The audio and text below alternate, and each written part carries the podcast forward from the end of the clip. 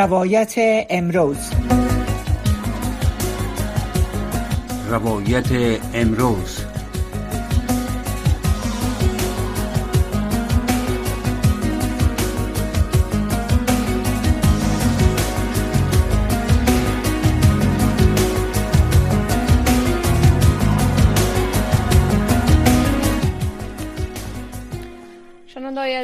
رادیو آشنا صدای امریکا. سلام و وقتتان بخیر. امیدوار در هر کجایی که هستین صحت و سلامت و شاد باشین. باز هم برنامه روایت امروز است و ما فرخنده پیمانی در نیم ساعت آینده میزبان شما عزیزان خواهم بود. البته در این برنامه ما مهمانان گرامی را هم داریم که مهمان گرامی ما قاضی لودین که سالهای سال در بخش قضا در افغانستان خدمت کردن و کار کردن و در بخش حقوق زنان از نگاه اسلام هم خیلی ها کورس های آموزشی را داشتن در افغانستان و در بخش قضا در این مورد کار کردن و همچنان خانم مریم آروین یکی از فعالین حقوق زن را نیز در برنامه با خود داریم. اما قبل از اینکه بپردازیم مهمانای خود به برنامه خوش آمدید بگویم موضوع بحث امروز ما البته روی موضوع مجازات بدنی و تعذیرات که از سوی حکومت طالبان در افغانستان تطبیق میشه روی این موضوع بحث خود کردیم. و در آخرین و یا تازه ترین مورد در محکمه عالی حکومت طالبان روز پنجشنبه دوم فبروری از تطبیق مجازات تعذیری بر 16 نفر در ولایت هلمند خبر داده. در اعلامیه محکمه عالی طالبان آمده که این 16 نفر که به جرایم مختلف از جمله فسق و فجور، روابط نامشروع، دزدی و لواطت متهم بودند در ولسوالی گرشک. با حضور مقام های عالی طالبان و مردم مجازات تذیری شدند. البته در این اعلامیه هم آمده که افراد یاد شده از سوی محکمه ابتدایی مجرم شناخته شدن و به جرمشان هم اینا قناعت کردند. ای در حال است که هیئت معاونت سازمان ملل متحد یا یوناما چند پیش در واکنش به شلاق زدن برخی از مردم در ولایت پروان توسط حکومت طالبان گفته بود که طبق قوانین بین المللی مجازات بدنی ممنوع است و بر اساس گزارشات طالبان تقریبا چند قبل 27 نفر به اتهام فسق اخلاقی، دزدی و فرار از خانه در ولایت پروان نیز در محضر عام شلاق زدن و مجازات کردن. خب در این مورد ما مهمانان گرامی خود را که قاضی لودین از ایالت کالیفرنیا امریکا با ما هستند روی خط و همچنان خانم آروین را به برنامه خوش آمدید میگیم. و سوال اول ما متوجه قاضی لودین میشه که شما از نگاه اسلام شلاق زدن و البته طی مراحل چون این جرایم را که طالبان در محضر عام مردم را شلاق می‌زنند طی مراحلش را چقدر حساس فکر می‌کنین و چی مراحل را دارد تا که یک شخص به محضر عام مورد مجازات بدنی صورت بگیره؟ مخصوصا زنان را که به شکل که طالبان مورد مجازات قرار میدن. بسم الله الرحمن الرحیم. سلام بر شما و بر مهمان شما و بر شنوندگان محترم شما. احترام حضورتان عرض دارم که مدت 50 سال هستند که در کشور ما به نام دین و به نام خدا مردم ما کشته می شود. به نام اسلام و به نام دین مردم ما تحقیر توهین و قمچین زده می شود. در کشور ما متاسفانه دعیان دروغین اسلام مردم ما را به نام دین و به نام خدا می‌کشند تا از موجودیت نامشروع خود دفاع کند. متاسفانه 50 سال است یعنی نیم قرن هستند که کشتار مردم مسلمان و بیگناه میهن ما نشان می‌دهد که با خشت کج زیر بنا برای بقای خود دیوار ساختند که تا سرایا کج خواهند رفت و آخر سر هم فرو خواهند ریختند. حاکمان ظالم هر چی ظالم تر باشد مملکت ویرانتر می شود کرامت انسان ولقد کرمنا بنی آدم الله جل جلاله در قرآن کریم می فرماید که انسان مکرم از ملائک است. و جناب رسول الله صلی الله علیه و سلم و سیدنا عمر رضی الله تعالی عنه به کعبه استاد می شدن و بر کعبه می گفتن که برای به تو قسم می خورم ای کعبه. برای به تو قسم می خورم که تو بسیار محترم هستی اما مقام انسان از تو کده برای ما بهتر و بالاتر هستند. و اگر ما فکر کنیم که کعبه را ابراهیم جور کرده یک آدم و بتخانه را هم یک آدم جور کرده و کلیسا و مسجد هم یک انسان جور کرده اما خود انسان مقام و منزلت انسان آنقدر بلند هستند که خداوند جل جلاله انسان را خودش ساخته است. حکومت های حکومت اسلامی یا حکومت ها وسیله برای پیشبرد اهداف و برنامه ها و ابزار برای عدل و رفاه مردم در جامعه هستند. و مشروعیت حکومت هم با تایید مردم هستند. قسمی که ما به حیث یک شاگرد کوچک و ناتوان و ضعیف دین مبین اسلام که دمی رشته تخصص دارم و اسلام به تخصص احترام داره چیزایی که متولیان امور فیلی کشور انجام می‌دهد اینا مشروعیت دینی ندارد. بله. بنا این مشروع مشروعیت دینی اینها باید اینا خود را از دین آگاه بسازد که در دوران رسول الله صلی الله علیه و سلم چه حال بودن ما یک ویدیو را دیدیم. که اونجا چند نفر طالب بیسواد جاهل و خبر از دین جمع شده و یک نفر آورده و دستشان قطع می‌کنه و روغن را سرخ می‌کنه. در قرآن و در احادیث آیات را برای ما نشان بدهد که الله جل جلاله گفته باشه که دست دوز را از اینجا قطع کنیم از اینجا قطع کنیم از اینجا قطع کنیم. اندازه دست معلوم نیستند ما از او آیاتی که الله جل جلاله میگه که وسارقو از دوز دست قطع ما مفهوم و هدفش اینمی هستند که دست دزد را از دزدی قطع کنین. حکومت مسئول هستند اگر شب در پل باغ عمومی یک حیوان را تشنه و گوشنه خو شوه و یا بمیره حکومت مسئول هستند در اسلام حکومت کردن امتیاز نیستند امتیاز بله. جهاد نیستند بلکه یک مسئولیت هستند بناهن این اعمال ازیا که در محضر عام صورت می‌گیرد. ای از لحاظ دین مبین اسلام هیچ وجه شرعی ندارد. بله.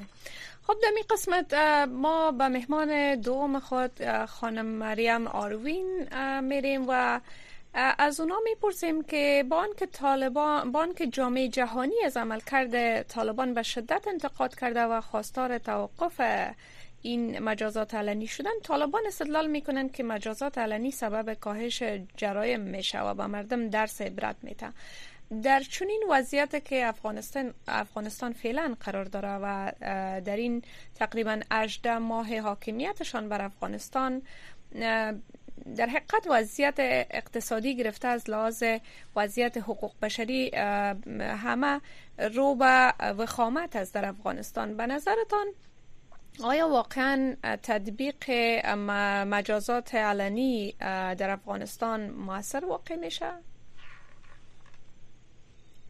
سلام مجدد به شما مهمان بزرگوارتان جناب اللودین و همه شنونده های بساخوبتان سلام خاص ویژه به همه زنان و دختران مبارز و شجاع افغانستان. که امروز در برابر ظلم استبداد و منطق جبر استادگی می‌کنند و تنها صلاحشان زبانشان منطقشان سوابشان درایت و ظرفیتشان و این یک افتخار بزرگ برای مردم افغانستان است. من آرزومند هستم که در روزی که ما یک بار دیگه شاهد آسایش و آرامش در کشور ما میشیم. با یک انقلاب که از داخل مردم افغانستان امیدوار است از داخل جامعه افغانستان شکل می‌گیره. در رهبریت زنان افغانستان قرار داشته باشه و حیات باشه. این روز را ببینیم در پرده او بانو گرامی همه ما شما ماهیت و نفس وجودی طالب را به عنوان یک گروه می‌دانیم.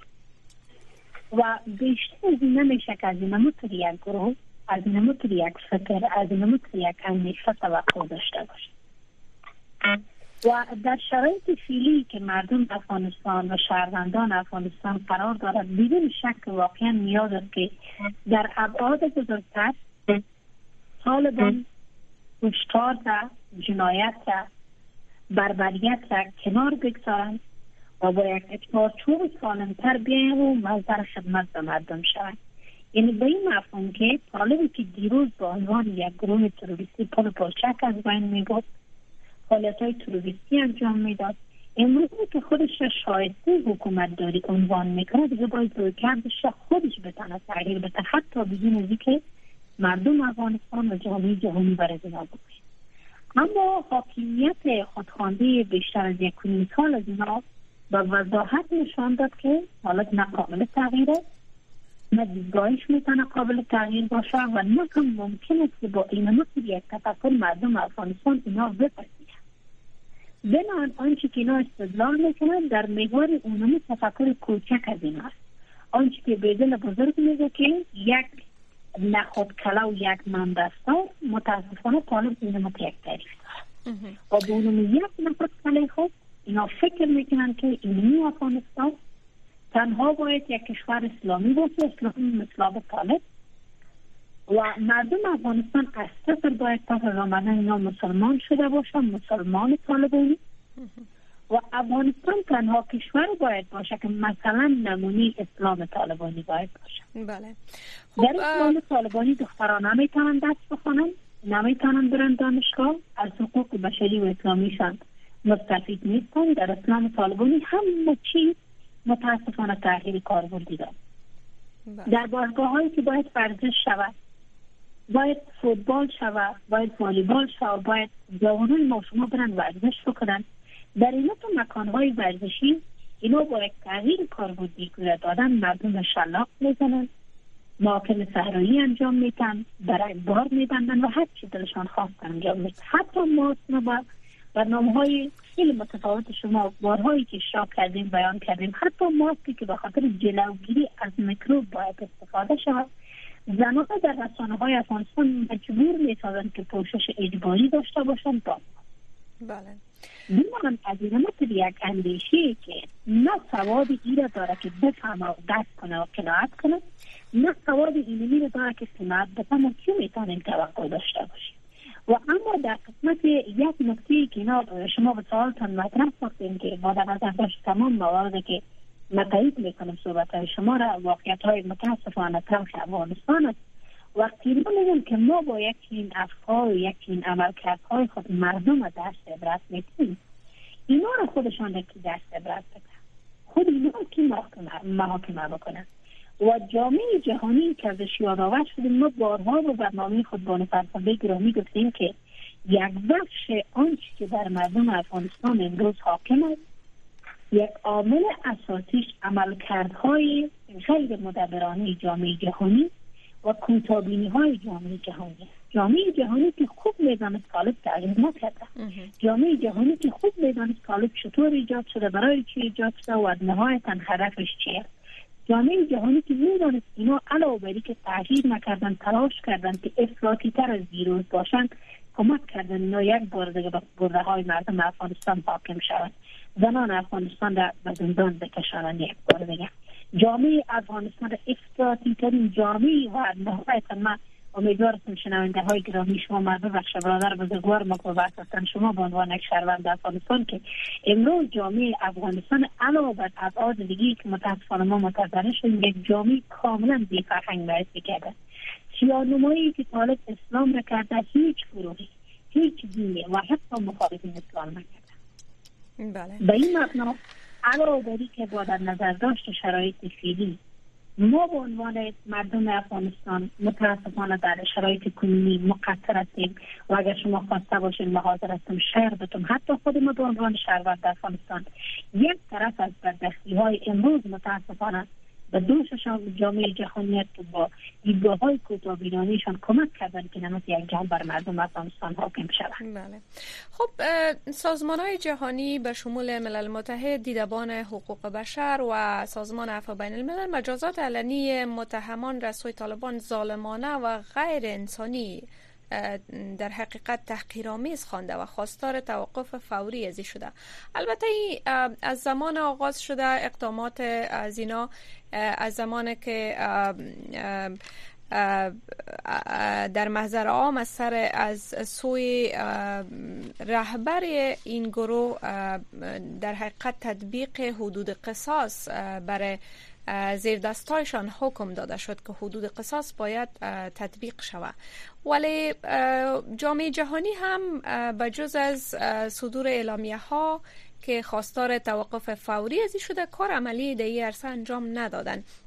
به نظرتان البته سوال ما متوجه آقای لودین میشه. چی؟ ابزارهای فشار بیشتر را جامعه جهانی در حال حاضر داره که بالای طالبان باید اعمال بکنه تا از این گونه صدور اعلامیه ها که چندان پرواهی هم حکومت طالبان با اونم نکردن تا اکنون می‌تونه که فشار موثرتر و خوبتر بالای از وارد شود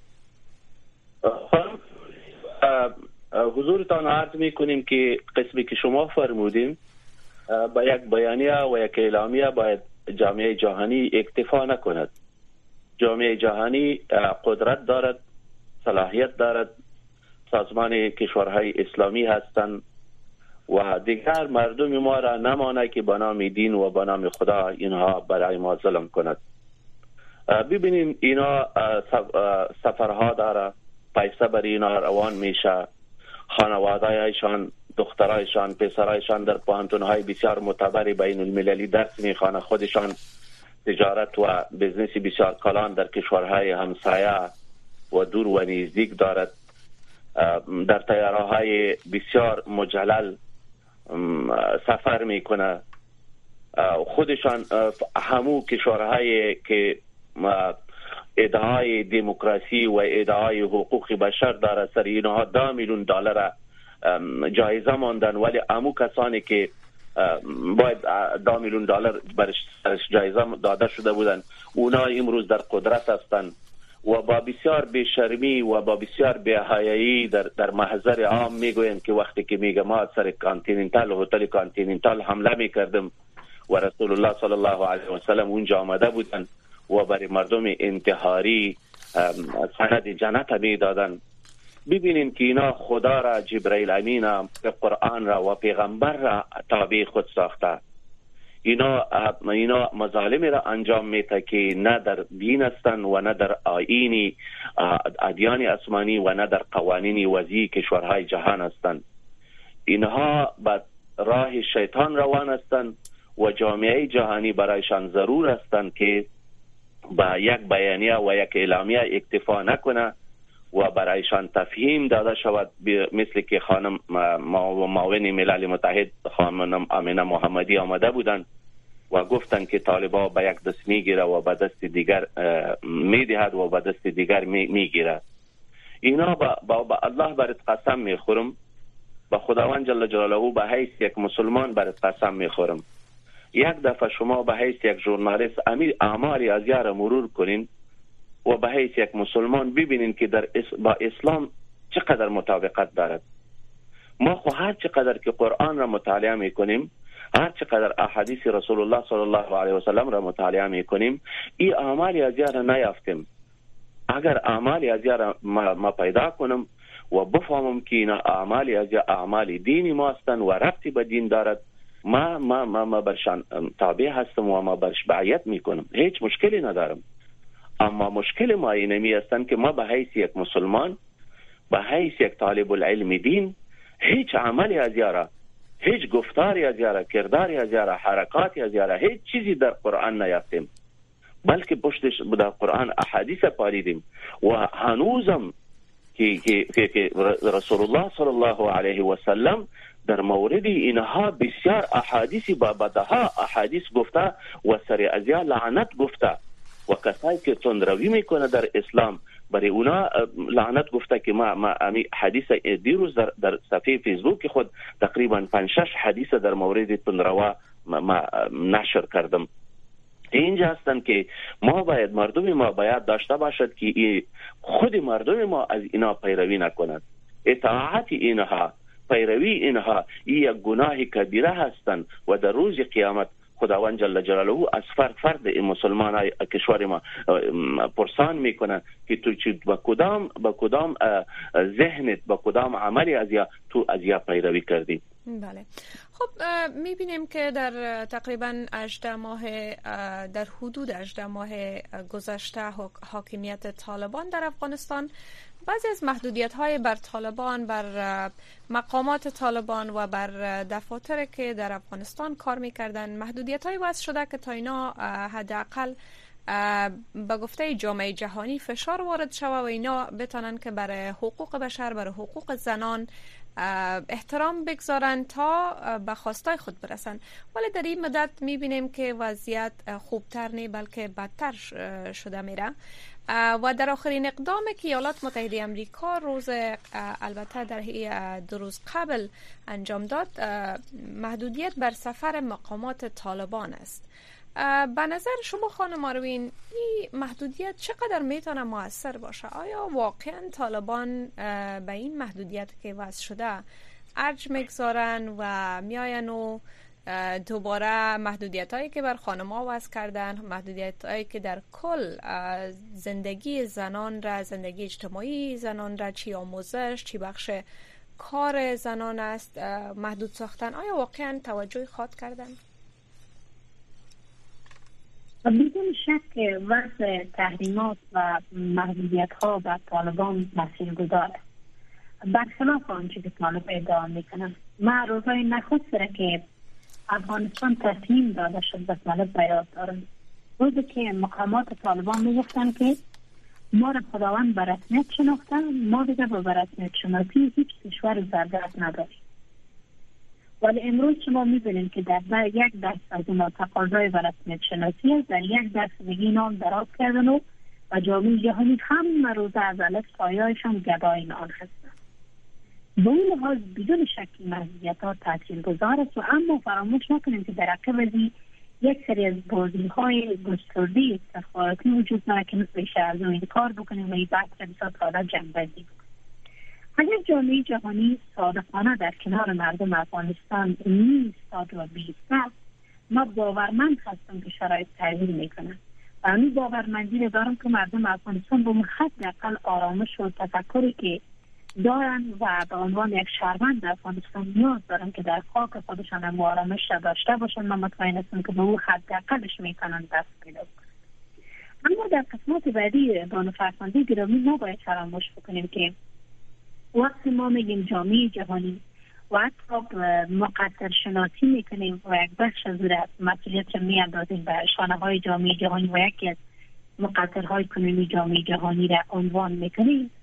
بیشتر از او بیشتر از او در محوریت باید تمرکز داشته باشیم روی مردم افغانستان. ببینیم تا چه زمان جامعه جهانی ما رو باید نام بدن. تا چه زمان جامعه جهانی از حق دختر ما دفاع کنه. تا چه زمان مثلا جامعه جهانی بر ما پل و پلچک تا چه زمان مثلا جامعه جهانی بیایه و در راستای ارائه خدمات آموزشی خدمات سیمی و امثال دیگه حتی بیایه بر ما حکومت و کابینه و ساختار و نظام و لوی جرگه و بسازه و حتی کسایی که در رسم قرار می‌گیره در جای تربیت کنه و بیار.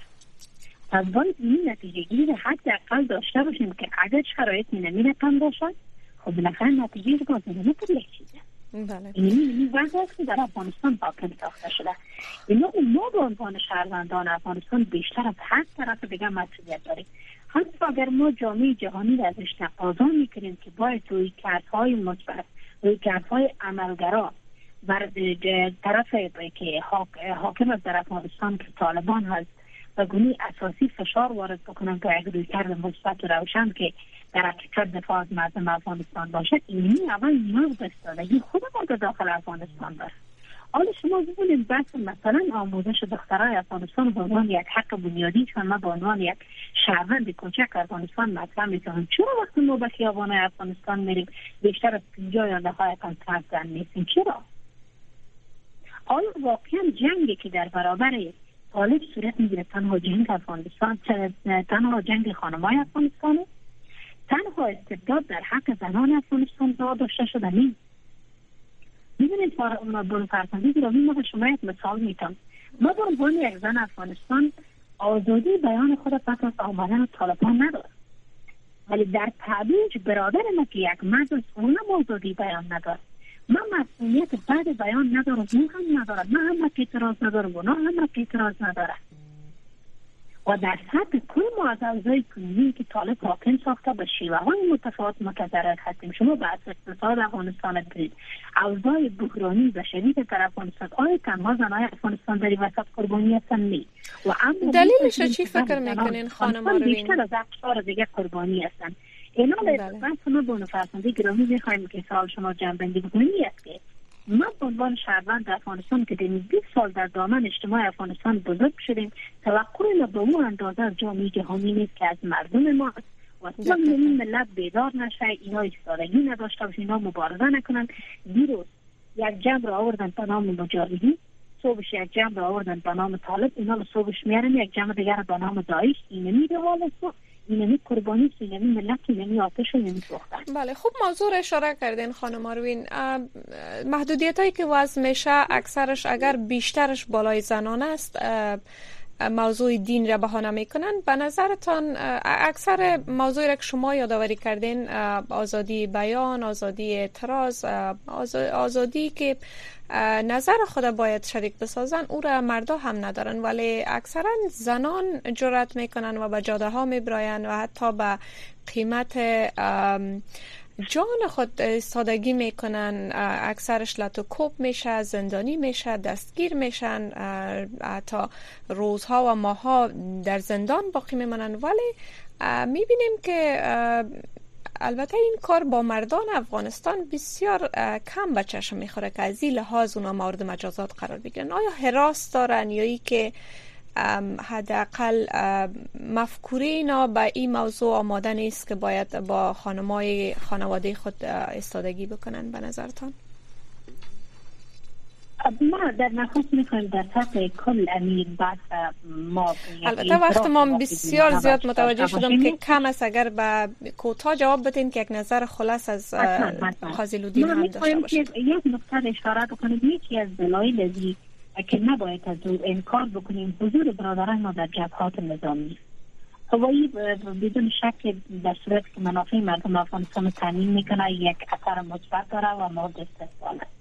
در طبیعه او بدون شک یک حراسی که وجود داره از این که آنچنانی که جامعه جهانی از زنان مثلا حمایت می‌کنه و طالبان به این نکته اساس هستند متاسفانه از مدهای حمایت نمیشه و بله. نمونه هایی اگر فرصت شما می‌تونم بیش بله. حتما. کوتاه بله و اجازه تان چون وقت ما بسیار کم است میشه به عنوان یک جمله می‌تونیم از قاضی صاحب لودین هم بشنویم چون وقت برنامه رو به اتمام است. ولی جامعه جهانی خو مشکلات از خود دم داره و با اینا قبل پرده کار می‌کند. اما که ما باید به علمای اسلام جهان اسلام کشورهای جهان اسلامی باید دایی داخل شود که اینا چرا قرائت استبدادی از شریعت گرفته است؟ بله. چرا, چرا اینها به نام دین مردم می‌کشند؟ چرا اینها از مردم ما هم دین و هم علم و همه چیز را به دروغان گرفته چرا مردم ما کورکورانه از اینا پیروی می‌کند؟ آیا پیروی کورکورانه بر ضد قرآن نیستند آیا خود طالب تا بر اسلام نیستند و سوال ای هستند که چرا بله. چرا فکر چرا فکر طالبی چرا فکر طالبی توسل بر استبداد و خیانت به دین مبین اسلام از طرف جامعه جهانی محسوب نمی شود یک جان ممنون قاضی صدلودین و خانم آروین یک جان سپاس از اینکه به برنامه اشتراک کردین. نسبت کمی وقت نتونستیم بیشتر نظریات داشته باشیم. بازم یک جان ممنون. اوقات خوب خوش داشته باشیم